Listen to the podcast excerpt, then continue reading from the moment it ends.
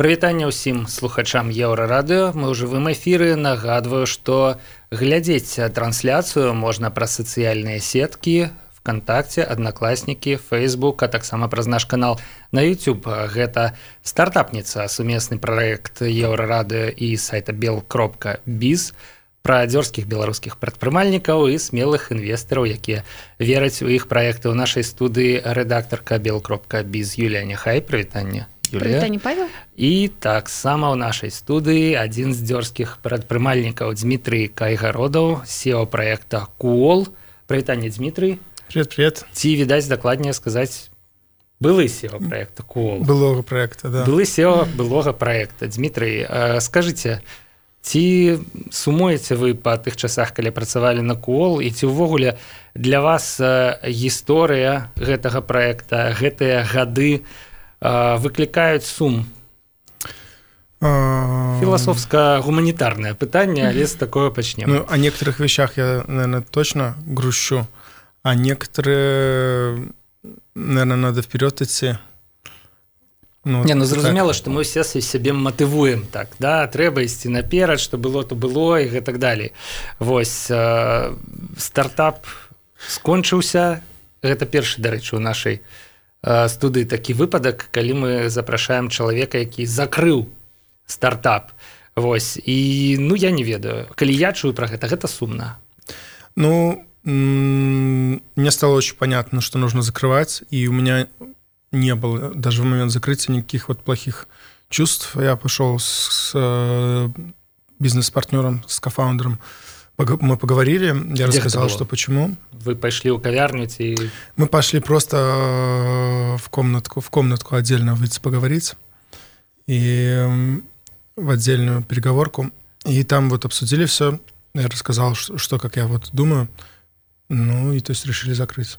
Я адразу прыгадаў серыял картачны домик і там у белым доме ёсць месца на лесвіцы такі запасны выхад куды ўсе і там прымаюцца самыя важныя э, рашэнні самыя важныя перамовы вот нефармальные везде ну, должно быть такое место да. Слушай, Магуру, это все в Магуру да, это все в Магуру. а где в Магуру такая комнатка чтобы мы знали? А, я патлумачу пакуль э, Дмітрий думае что Юлія працуе у імагуру это мінскі стартап хаб я думаю что ведае там усех комнаткі дакладна да, да. вал ва ўсіх акрамя відаць мужчынскай прыбіральні Мачыма это была яна тому что Юлия не ведаю про такую комнатку не не это небольшая комната я даже не знаю как она называется э, и там она практически всегда свободная э, это между большим вот залом на втором этаже значит. да наверное ну ясно Давайте вернемся на чатыры гады таму ці можа нават ужо крыху больш калі стартап кол пачынаўся. Распавядзіце як вы прыходзілі да гэтай ідэі што гэта быў за інструмент як вы вывучалі ну на той момант рынок калі гэта было як падыходзілі да пачатку проект да вначале была такая идея сделать инструмент для разработчиков чтобы они могли легко разобраться в каких-то технических проблемах с э, сайтом, например, с каким-то веб-приложением. А, то есть мне этого инструмента очень не хватало самому как разработчику, и казалось, что просто кто-то должен это сделать. И, ну, может быть, сложно это сделать технически, но обязательно, обязательно будет большой успех у того, кто это сделает. Вот. Оказалось, э, что все не так просто. Проект паўстаў з ваших асабістых э, з вашага бачання бачання того як выглядаюць справы да, на рынку да. праграмавання я сделал прототип и повесил э, закинул на facebook группу в минских тестировщиков и просил дать фидбэк что они вообще думают ну вот так вот был какой-то первый публичный релиз первый старт и они восприняли станоўча да было очень положительно они приняли очень положительно но никто на настоящем проекте не стал использовать хотя я ходил в компании разные, где они работают, разговаривал с ними, предлагал использовать, и все время что-то вот не сейчас у них был ответ такой. Вот. Такой был старт проекта. Цікаво, что прыкладна такую гісторыю распавядала Дар'я да. якая была тут да яны запустили свой проект і пачалі чакаць да калі ж да, да, да, кліенты кліенты ну пры, прыйшлі але у вось ім пашанцавала я так разумею. То бок праз нейкі час яны ўсё ж таки змаглі ўпэўніць пэўную колькасць там людзей зацікаюць у гэтым праекце. У вас э, атрымалася так что не, не знайшліся не у нас были установки у нас были пользователи но сделать э, значительно действительно ту задумку, которая была, польза и такой вот интерес, рынок, э, бизнес сделать, вот этого не получилось. Тут была некая планка, э, якую трэба было дасягнуць, каб сказаць ну вот э, поспех. И до этой планки да. вы не дошли. Да, угу. разные параметры, там, финансовые, по пользователям. Но анализируя сейчас, на твой взгляд, ошибка была в том, что скорее всего, вы придумали эту проблему, или же ошибка была в том, что вы неправильно рассчитали там затраты на маркетинг, сейлзов не приобрели и прочее? Я не могу сказать, вот, что это была прям ошибка-ошибка. Скорее, мы, наверное, не на тот рынок пробовали выйти. Угу. Вот, я думаю, что зря мы вообще в целом ориентировались на белорусский рынок. То есть здесь в целом как бы не принято закупать какие-то технические инструменты часто. То есть нужно было, мне кажется, идти куда-нибудь э, на запад или вообще там стартовать даже это все. Скорее всего, даже в долине, там, где разработчики, это, так сказать, короли и цари. Mm-hmm. Вот я думаю, что там очень хорошо воспринимаются разные инструменты э, для разработчиков. Там это хороший сформировавшийся рынок. А калі вы гэта зразумелі зараз ўжо аналізуючы постфактум ну, ці на той час таксама была гэтая думка але ну было понимание что там легче но не было понятно наверное насколько легче и все-таки может быть можно отсюда сделать слушай ну, вы ведь проходили акселерацию в старте это акселератор в нью-йорке нью-йорк финансовая ну, нью столица наверное то есть вы были на рынке сша Это финансовая столица, да, но это не столица в плане там разработки программного обеспечения. То есть в Нью-Йорке разработчик это как бы человек третьего сорта. Наверное, но тем не менее, вы были уже в США. Да. И вот э, и почему? Нужно было ехать, наверное, в долину и там просто бомжеваться, как-то выживать, что делать. Ну вот, ну вот не сделали так. Угу. Бомжевались в Нью-Йорке вместо этого.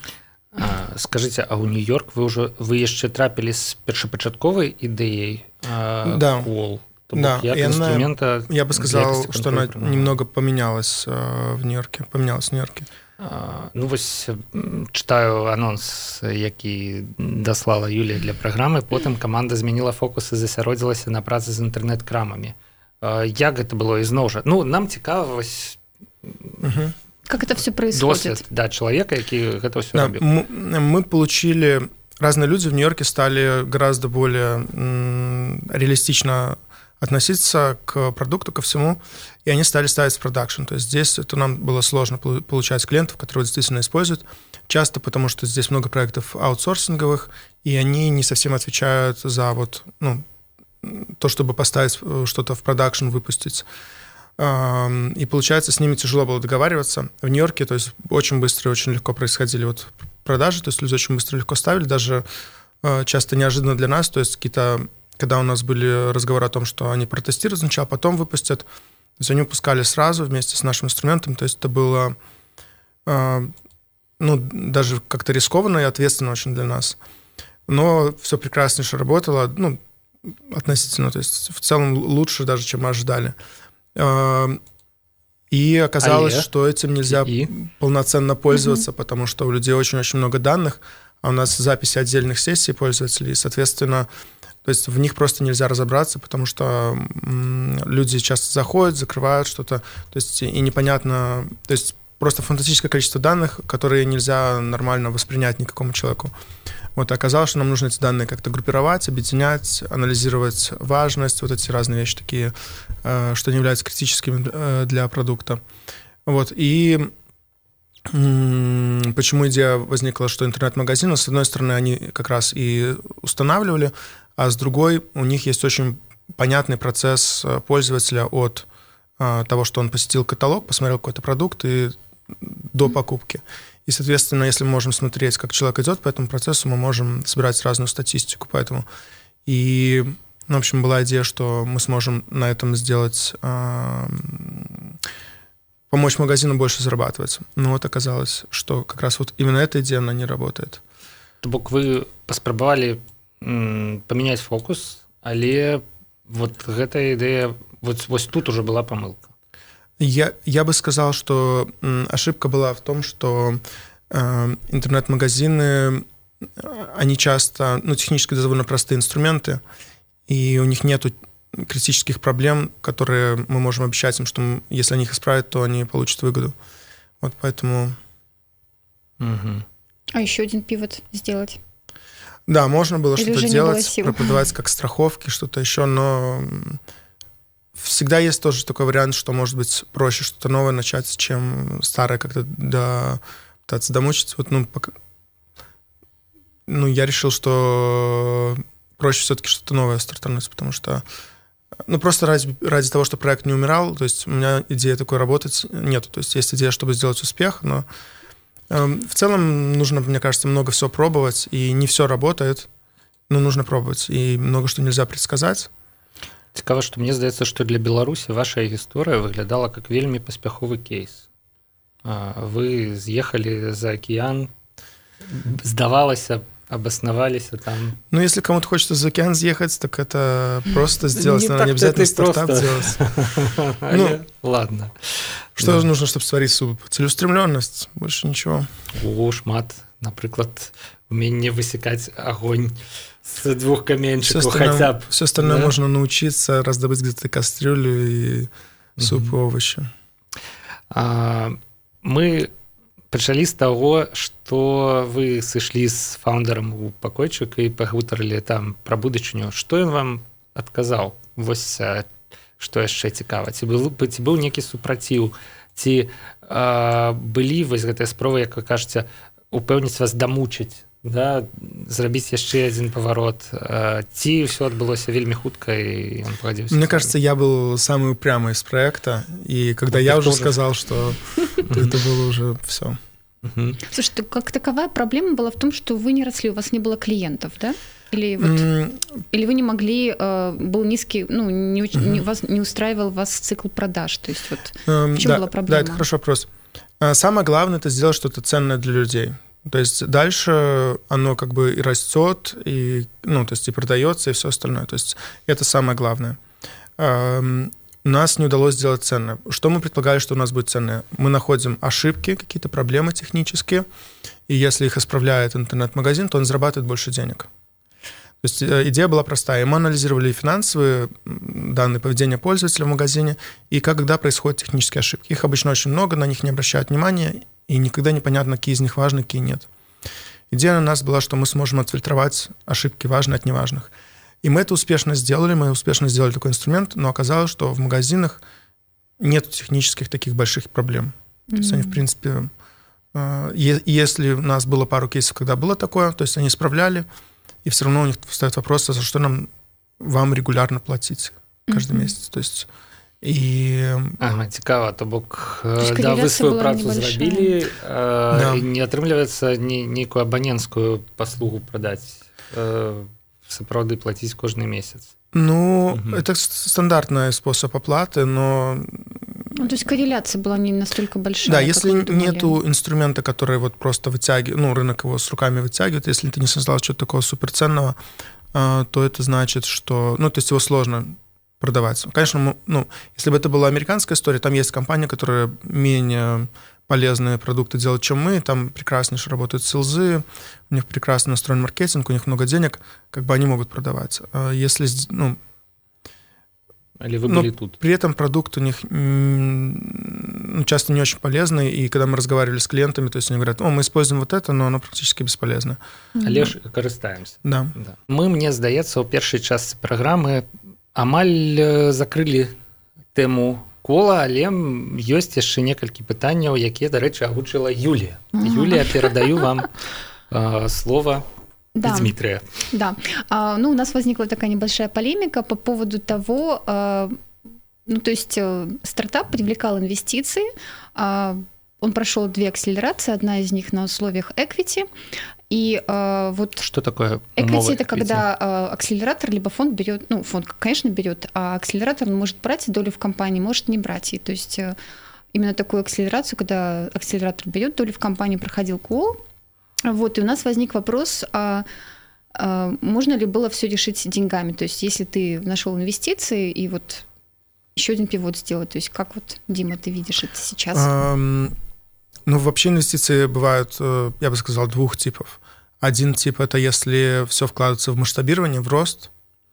А, второй тип инвестиций — это когда вкладывается в поиск. Поиск чего? Поиск э, масштабируемой бизнес-модели. Mm. То есть когда можно потом инвестировать и получить что-то очень большое.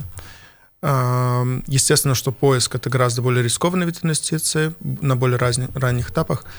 Ну, в целом предпринимательство такая вещь, что там ничего нельзя гарантировать, да, то есть влить денег и э, чтобы что-то получилось, так, так не получится. А, то есть гарантий никаких нет. И даже успешные бизнесы, мы знаем гигантские компании, которые закрывались, разваливались. Вот я думаю, что деньгами все залить нельзя, но можно увеличить шанс того, что получится успешно. Ну, у вас были, а, были шансы, если бы ты нашел вот... Ну, скажем, я в основном больше всего денег потратил на это все мероприятие. Это я сам своих личных денег. Mm-hmm. Вот.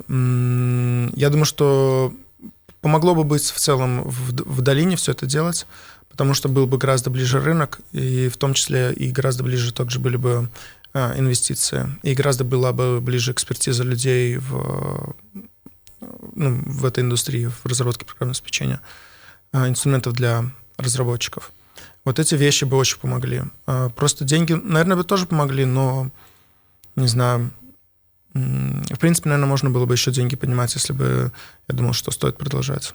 А как вот дальше строятся коммуникации с инвесторами, которые уже вошли? То есть вот, ну, я знаю про старту, например, да? Угу. То есть э, вот вы с э, кофаундером поговорили в Нью-Йорке, а потом написали в старту типа «Привет, ребята, вот мы тут посовещались и решили». То есть вот как это все происходит обычно?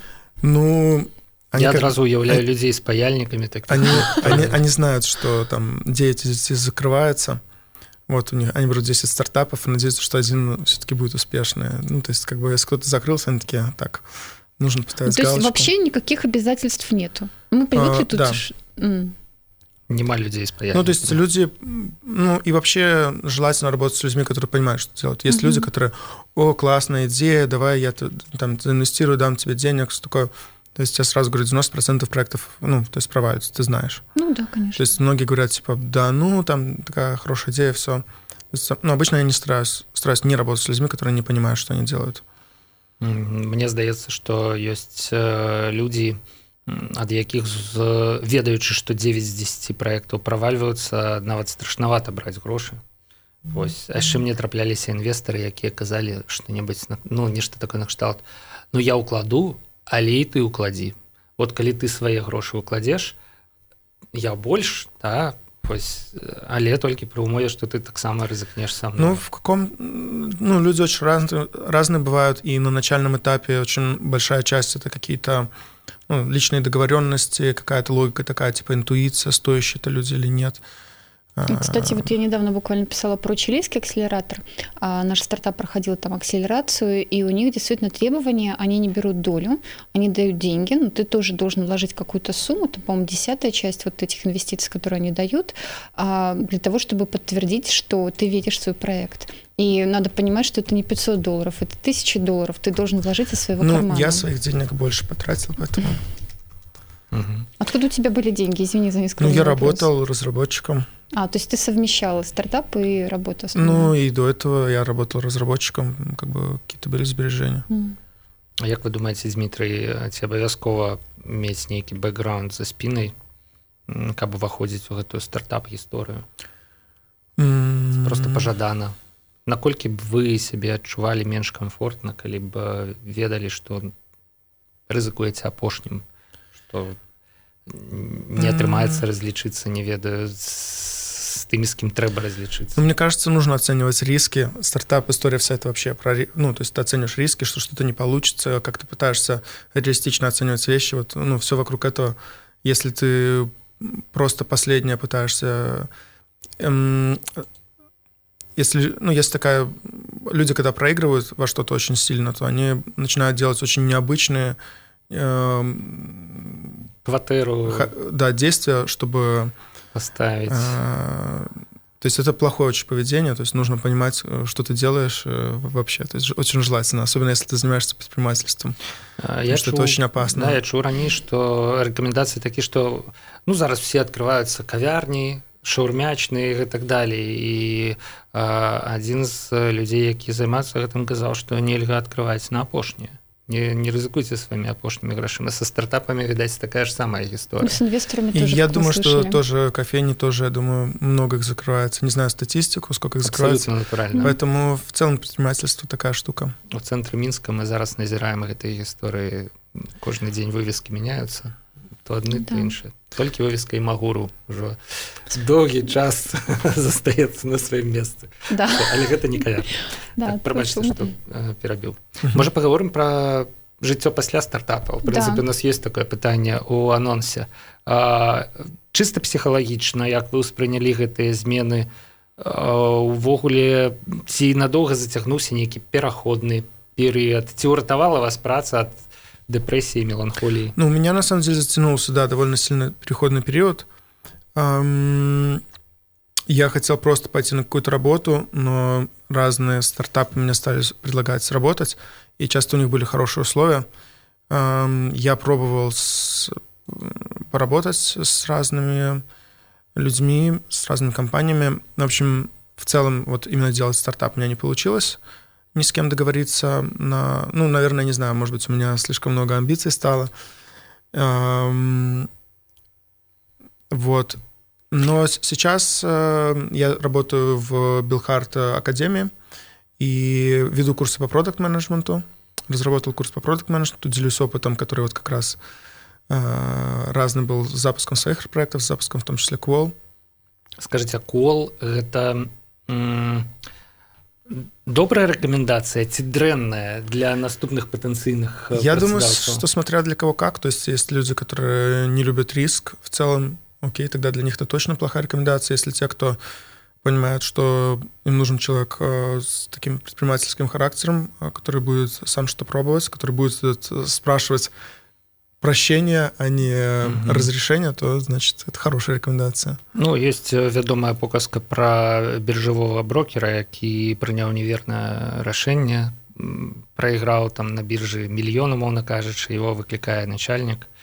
Ён ідзе як бы як на разнос, ему кажуць, ну, мы повышаем вам заробак. Ён кажа, что такое я не разумею что адбываецца да ему кажется ну вы цяпер каштуеце на мільён даражэй таму значит ваш мільён долларов ваше образование да, да. есть досвед есть помылка. Ось і гэта цікава цікавая думка что нават стартап які зачыніўся ўсё роўна працуе на тых людзей якія у ім былі. Значит жыццё не сканчаецца. Да, я попробовал основа. устроить вот ребят, которые у меня работали, ну, то есть мне удалось большинство людей хорошо устроить. А, ну, то есть... И они застались а тут, те... Да. Те Нью-Йорк да. все ж таки. У нас как-то была такая патриотичная команда, скажем так, у нас. Mm. И это для нас вот поехать в Штаты, что-то такое делать, скорее это было такой типа компромисс. Окей, ладно, если это надо для бизнеса. Mm-hmm.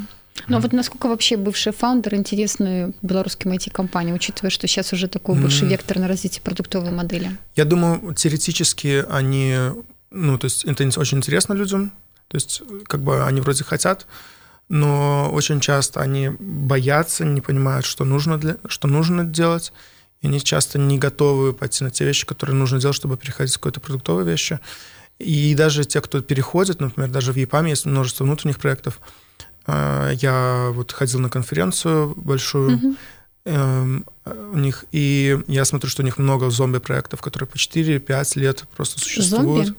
Да, и там работают десятки людей, и то есть они уже, ну, то есть они даже не пытаются выйти на рынок, они просто продолжают что разрабатывать, когда уже э, выпустили крупные компании такие продукты, ну, то есть это просто зомби-проект, когда-то это была идея, в принципе, неплохая, они не успели, не смогли продавать, ориентироваться на рынок, и вот у них зомби-продукты такие есть.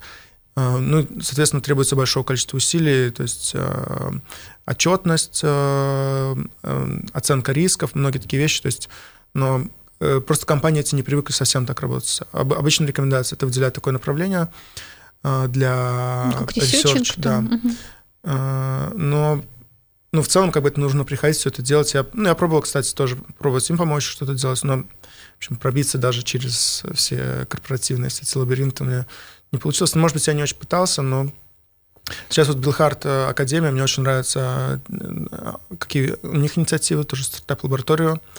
я бы помогал открывать, и угу. стажировку для студентов, чтобы это была настоящая стажировка, где они настоящие проекты будут делать не для заказчиков, а именно такие стартап.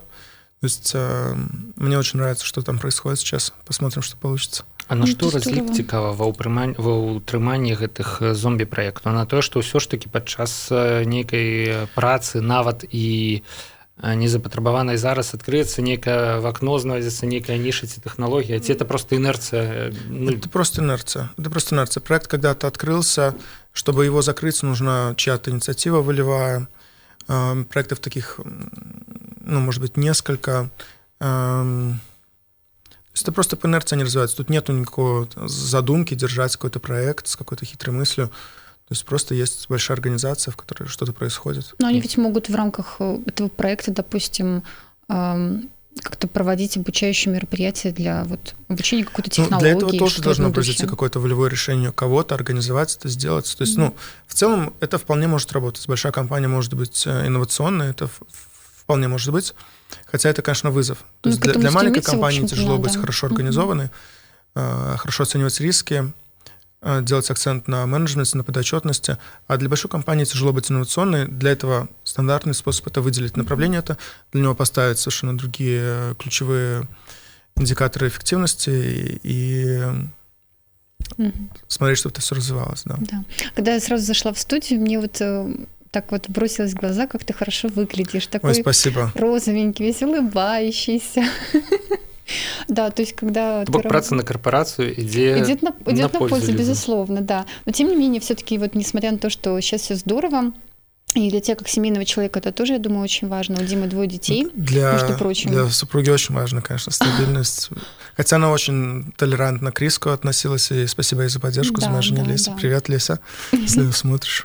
Вот, и тем не менее, а, все-таки есть ли у тебя мечты какие-то по поводу вот нового проекта, и как сейчас ты бы вот выстроил маршрут вот движения, то есть как бы ты э, анализировал вообще саму проблему, а, как бы ты подходил к анализу рынка и дальнейшее развитие, то есть идти в акселератор, либо обратиться к бизнес-ангелам, тестировать э, не на рынке Беларуси, а, допустим, в Прибалтике. Прибалтика ну, или северные страны. Ну, что, что бы ты делал?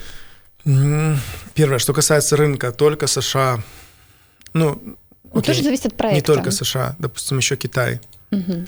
Но если какой-то инновационный продукт, только на эти рынки у нас... Рынок такого масштаба. Э, угу. это, это большой рынок, и очень важно, что он часто готов принимать новые технологии. То есть на, вот, например, нашем рынке, на восточном рынке часто есть компании, которые агрегируют множество продуктов, они эти продукты продаются с большой скидкой еще к тому же. Э, люди даже не хотят покупать облачные часто решения, не покупают, хостят эти решения, то есть, например, Bittrex. То есть это такие вот пакеты большие, когда тебе продают все вместе, то это уже э, ну, часто признак того, что рынок совсем не инновационный, даже остающая mm-hmm. часть рынка. Вот. И я думаю, что нужно на США ориентироваться. Эм, проблема. Проблема. Ну, то есть у меня есть какие-то идеи, мы в лаборатории это работаем, думаем, делаем что-то. Ну, то есть акселератор, ну, не знаю, еще один акселератор, может быть, Y-комбинатор был бы интересен, остальные, наверное, не очень. Э, сейчас я больше отношусь к тому, что деньги, они действительно могут закрыть большое количество рисков. Вот просто акселератор, который делает фокус на какой-то там трекинг, на обучающее что-то, то есть это, наверное, не очень интересно. Нетворкинг нужен. Нетворкинг, да, финансы, вот это интересно. А, может быть, есть, может быть, те, кто могут помочь э, с рынком, да, то есть у кого много партнерств, возможно, какие-то специфические рынки, например, телекоммуникации. Ну, то есть я в телекоммуникациях не работаю, но если кому-то нужны именно партнерства, то тоже может зайти. Но в целом, я думаю, что это очень классическая, обычная схема. Сейчас мне очень нравится, что э, сейчас довольно все стандартизовано, понятно, mm-hmm. отработано. То есть в Штатах уже сотни лет есть э, фондовые биржи, э, правила сформировались хорошие. Я думаю, что мне очень нравятся вот эти наилучшие практики, без практики, которые Я есть. Я так сейчас подумала об этом да. буквально, да. Угу. Думаю, что тут не нужно искать какие-то новые угу. странные вещи. Треба брать, что есть. На жаль, час э, стартапницы скончыўся. Мы у эфіры амаль 40 хвілінаў я думаю что гэта дастаткова. Калі у наших слухачоў наших гледачоў ёсць вопросы да нас Юлей ці да Дмітрыя іх можна задаць у каментарах под трансляцыямі. Я думаю что мы ўсё перададзім і паспрабуем на ўсё адказаць. На гэтым усё. Мы размаўлялі пра негатыўны досвед стартапа які у ўсё ж таки быў праз некалькі гадоў працы над ім закрыты але як мы высветлілі і негатыўны досвед ўсё ж таки можа працаваць на тых хто гэты стартап распрацоўваў і хто ім кіраваў. Дмітрий кагародаў быў у нашай студыі. Дзякуй Дмітрий да пабачэння. Рэдактарка бел кропка біз Юлія няхай. Дзякуй Юлія. Стартапніца сканчаецца. Павел свердлоў працаваў пры мікрафоне. Пачуемся на еўрарадыо